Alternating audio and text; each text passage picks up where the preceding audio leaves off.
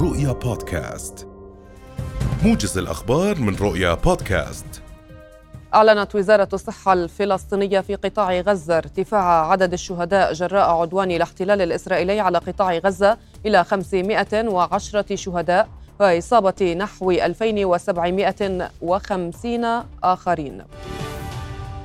وتشن طائرات الاحتلال منذ الليلة الماضية غارات عنيفة في مناطق متفرقة بقطاع غزة حيث طال القصف مناطق القطاع كافة مما أدى إلى هدم منازل على رؤوس ساكنيها ووقوع مجازر راح ضحيتها أطفال ونساء. بالإضافة إلى قصف مدفعي متواصل وعنيف شرق حدود رفح وخان يونس جنوب قطاع غزة إلى جانب استهداف أربعة مساجد. أعلن مصدر عسكري في جيش الاحتلال اليوم أن عدد القتلى الإسرائيليين لا يمكن استيعابه وأكبر بكثير مما تم الإعلان عنه. وذكر جيش الاحتلال في بيان صباح هذا اليوم أن عناصر حماس ما زالت قادرة على التسلل إلى الداخل المحتل حيث وصلت كتائب القسام إلى عشرين مستوطنة وأحد عشر معسكرا للجيش الإسرائيلي. وبين جيش الاحتلال أن الاشتباكات متواصلة مع مقاتلي حماس في ثمانية مواقع قرب غزة فيما اعترف أن عشرات المستوطنين محتجزون في قطاع غزة.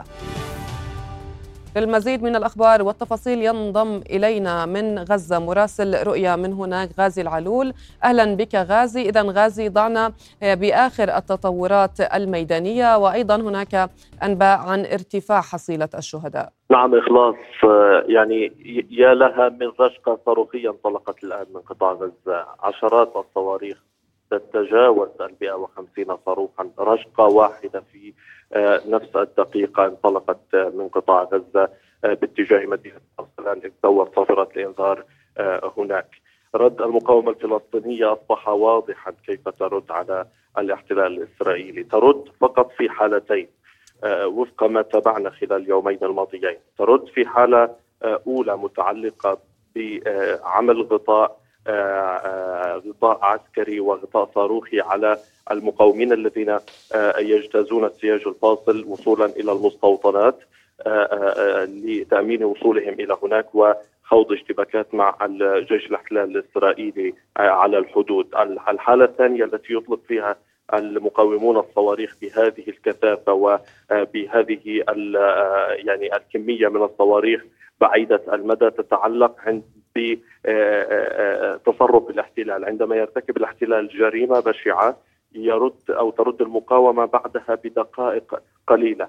قبل آه، نصف ساعة من الآن تقريبا ارتكب جيش الاحتلال مجزرة جديدة. ربما هي أكبر المجازر آه، في هذا العدوان حتى هذه اللحظة. آه، استهدف منطقة الترانس في شمال قطاع غزة في معسكر جباليا. هذه المنطقة عبارة عن شارع رئيسي في منطقة مخيم جباليا والمعسكر و البيوت المواطنين هناك متلاصقة للغاية، الخسائر المادية والخسائر البشرية في الأرواح آه، آه، غاية في الصعوبة لا يمكن تقديرها في اللحظات الحالية إذ لا زالت سيارات الإسعاف تواصل عمل آه، عملها في انتشال جثامين الشهداء، لكن الصور الواردة من شمال قطاع غزة تؤكد بأن منطقة كاملة أمحيت. عن الوجود بفعل صواريخ الاحتلال وأسلوب الحزام الناري الذي تفتعله وتتخذه آه، آه، طائرات الاحتلال في آه، ردها واستهدافها لأي مكان في قطاع غزة. نعم لذلك نعم.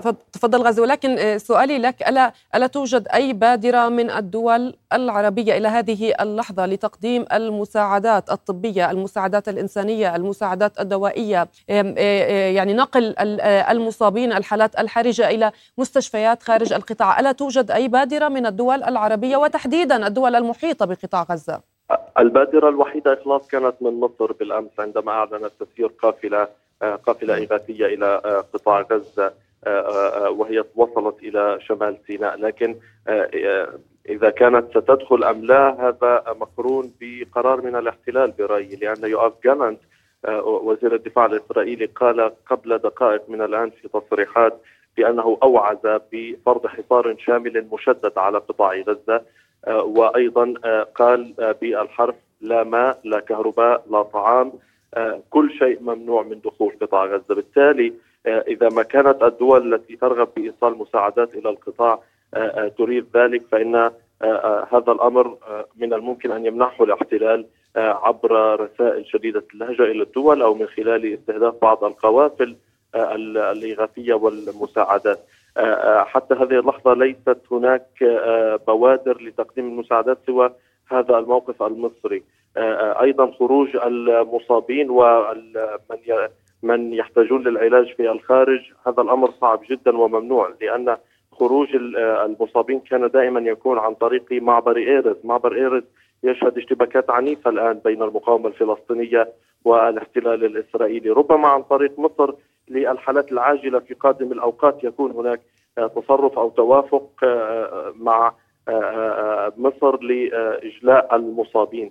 لكن لا معلومات حول نعم. حول هذا الأمر حتى هذه اللحظة غازي هناك أنباء من مصادر عسكرية إسرائيلية بأن الجيش الإسرائيلي سيقدم خلال من 24 ساعة إلى 48 ساعة على خوض عملية عسكرية برية ما صحه هذه المعلومات وإن صحت هذه صح هذا الخبر هل المعطيات على الأرض مهيئة للقيام بهكذا عملية برية؟ ورد ذلك على لسان مسؤول عسكري أمريكي وفق مصادر آه، صحفية. لكن آه، آه، إذا رغب الاحتلال وجيش الاحتلال بالدخول البري إلى قطاع غزة فعليه اولا السيطرة على مستوطناته التي باتت في قبضة المقاومة الفلسطينية. سبع نقاط وسبع كبوتسات عسكرية ومدنية للمستوطنين باتت في قبضة المقاومة. تفرض سيطرة كاملة عليها. هي مناطق أصبحت محررة بالنسبة آه، آه، لنا بمنظورنا كفلسطينيين، لذلك إذا استطاع اولا تجاوز هذه النقطة والسيطرة على آه، المستوطنات التي سيطر عليها المقاومون فليأتي برا إذا أراد. ولكن أيضا المقاومة الفلسطينية في كثير من الرسائل تمنت ذلك تمنت أن يتصرف الاحتلال بهذا هذا التصرف الذي وصفته بالعبثي والغبي لأن مثل هذه التدخلات البرية والدخول البري دائما ما كانت تنتظره المقاومة لأنه كان دائما في مصلحتها من خلال قتل المزيد من جنود الاحتلال وأيضا أسر عدد كبير من جنود الاحتلال. كنا قد في عام 2014 في دخول بري في الشجاعية وفي رفح اثرت المقاومة الفلسطينية شاول أرون وهو رقيب أول في جيش الاحتلال، أيضا هدار جولدن في شرق آه، وجنوب رفح آه، اثرته وهو ملازم أول برتب عسكرية، بالتالي مثل هذه الأمور آه، المقاومة تحسب حسابها جيدا وقد ترى فيها فرصة لزيادة غلتها من الأسرى الإسرائيليين لديها وهو ما يؤكد بأنها ستفرض شروط أكبر وأكثر حتى تمنع الاحتلال مثلا من إعادة اعتقال أسرى محررين بعد إتمام صفقة تقول بأنها باتت قريبة على خلفية اعتقال أسرها لعدد كبير من المستوطنين وجنود الاحتلال من بينهم كبار وضباط كبار في الجيش. نعم. أشكرك جزيل الشكر غازي العلول. كنت معنا من قطاع غزة وننتقل مباشرة إلى مراسلة رؤية من مخيم قلنديا. تحديدا آية الخطيب. أهلا بك. آية. إذا آية يعني في هذه الأثناء يشيع جثمان الشهيد ياسر الكسبي في المخيم. ضعينا في الصورة بشكل أكبر وبتفاصيل أكثر. تفضلي.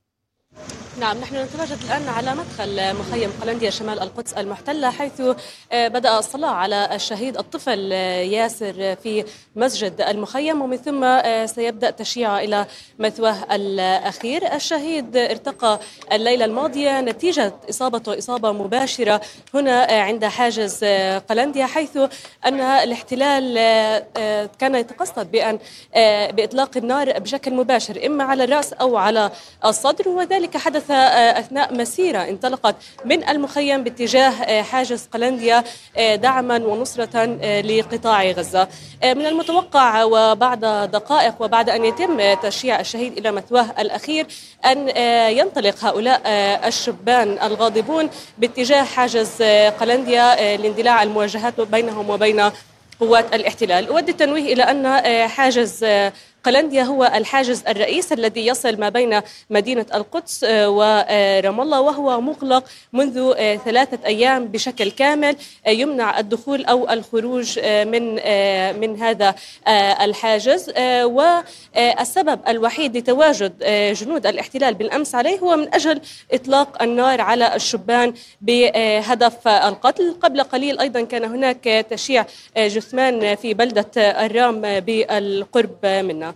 ما نعم. يجري نعم. في الضفة الغربية وفي مدينة القدس انتهاكات جسيمة بحق كافة المواطنين هناك حملة اعتقالات واسعة جدا في الضفة الغربية وفي مدينة القدس الآن بعض المستوطنين يقوموا بالاعتداء على الشبان في البلدة القديمة في مدينة القدس أمام مرأة شرطة وجنود الاحتلال الذين لا يتدخلون حين يكون من يتعرض للضرب هو الفلسطيني الاحتلال يواصل اقتحامه للمنازل في مدينة القدس آه، في سلوان وفي راس العمود وفي بيت حنينة وشعفاط دون وجود أي ذريعة لذلك. هناك آه، تفتيش استفزازي لكافة المواطنين آه، في مدينة القدس. أيضا الاحتلال يمنع أي تواجد مقدسي عند أدراج باب العمود يمنع أي تجمع مقدسي في مدينة القدس. نعم. كانت العديد من آه، المدن آه، في آه، يعني الفلسطينية في الضفة الغربية أعلنت الإضراب العام تضامنا مع إخواننا وأشقائنا في قطاع غزة، هل ما زال هذا الإضراب مستمر؟ لا الإضراب كان اليوم واحد وهو كان آه، بالأمس. اليوم آه، هناك إضراب في مدينة رام الله وفي المخيم. سيستمر حتى الانتهاء من تشييع آه، جثمان الشهيد ومن ثم يمكن للمحال التجارية أن تعود وتفتح محالها ولكن التربية والتعليم أعلنت أنه بدءا من الأمس سيتواصل التعليم عن بعد. لا يوجد المدارس أغلقت أبوابها وذلك حفاظا على أرواح الطلاب الذين يتنقلون بين المدن الفلسطينية وخاصة في المناطق التي يتواجد فيها آه، المستوطنين. أما فيما يتعلق في الإضراب فكان آه، فقط ليوم أمس. نعم. آه، دعينا نتحدث عن انتشار قوات الاحتلال في مدينة القدس وما هي الأماكن التي يتمركز أو تتمركز فيها قوات الاحتلال. هنالك انتشار غير مسبوق آه، لقوات الاحتلال في كافة الشوارع في مدينة القدس. بالفعل الاحتلال حول المدينة لتكنة عسكرية آه، غير آه، مسبوقة. لا يكاد يوجد شارع واحد في المدينة لا تتواجد فيه قوات الاحتلال.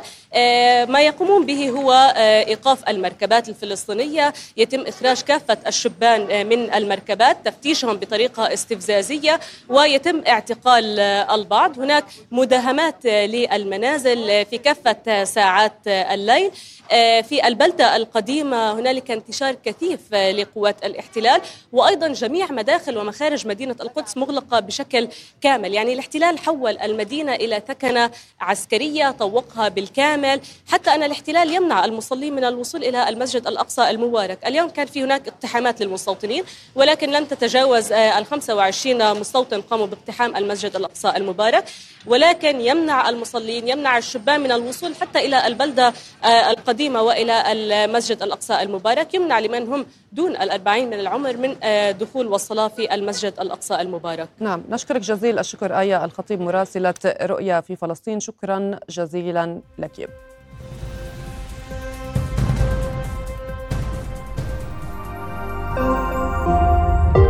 رؤيا بودكاست.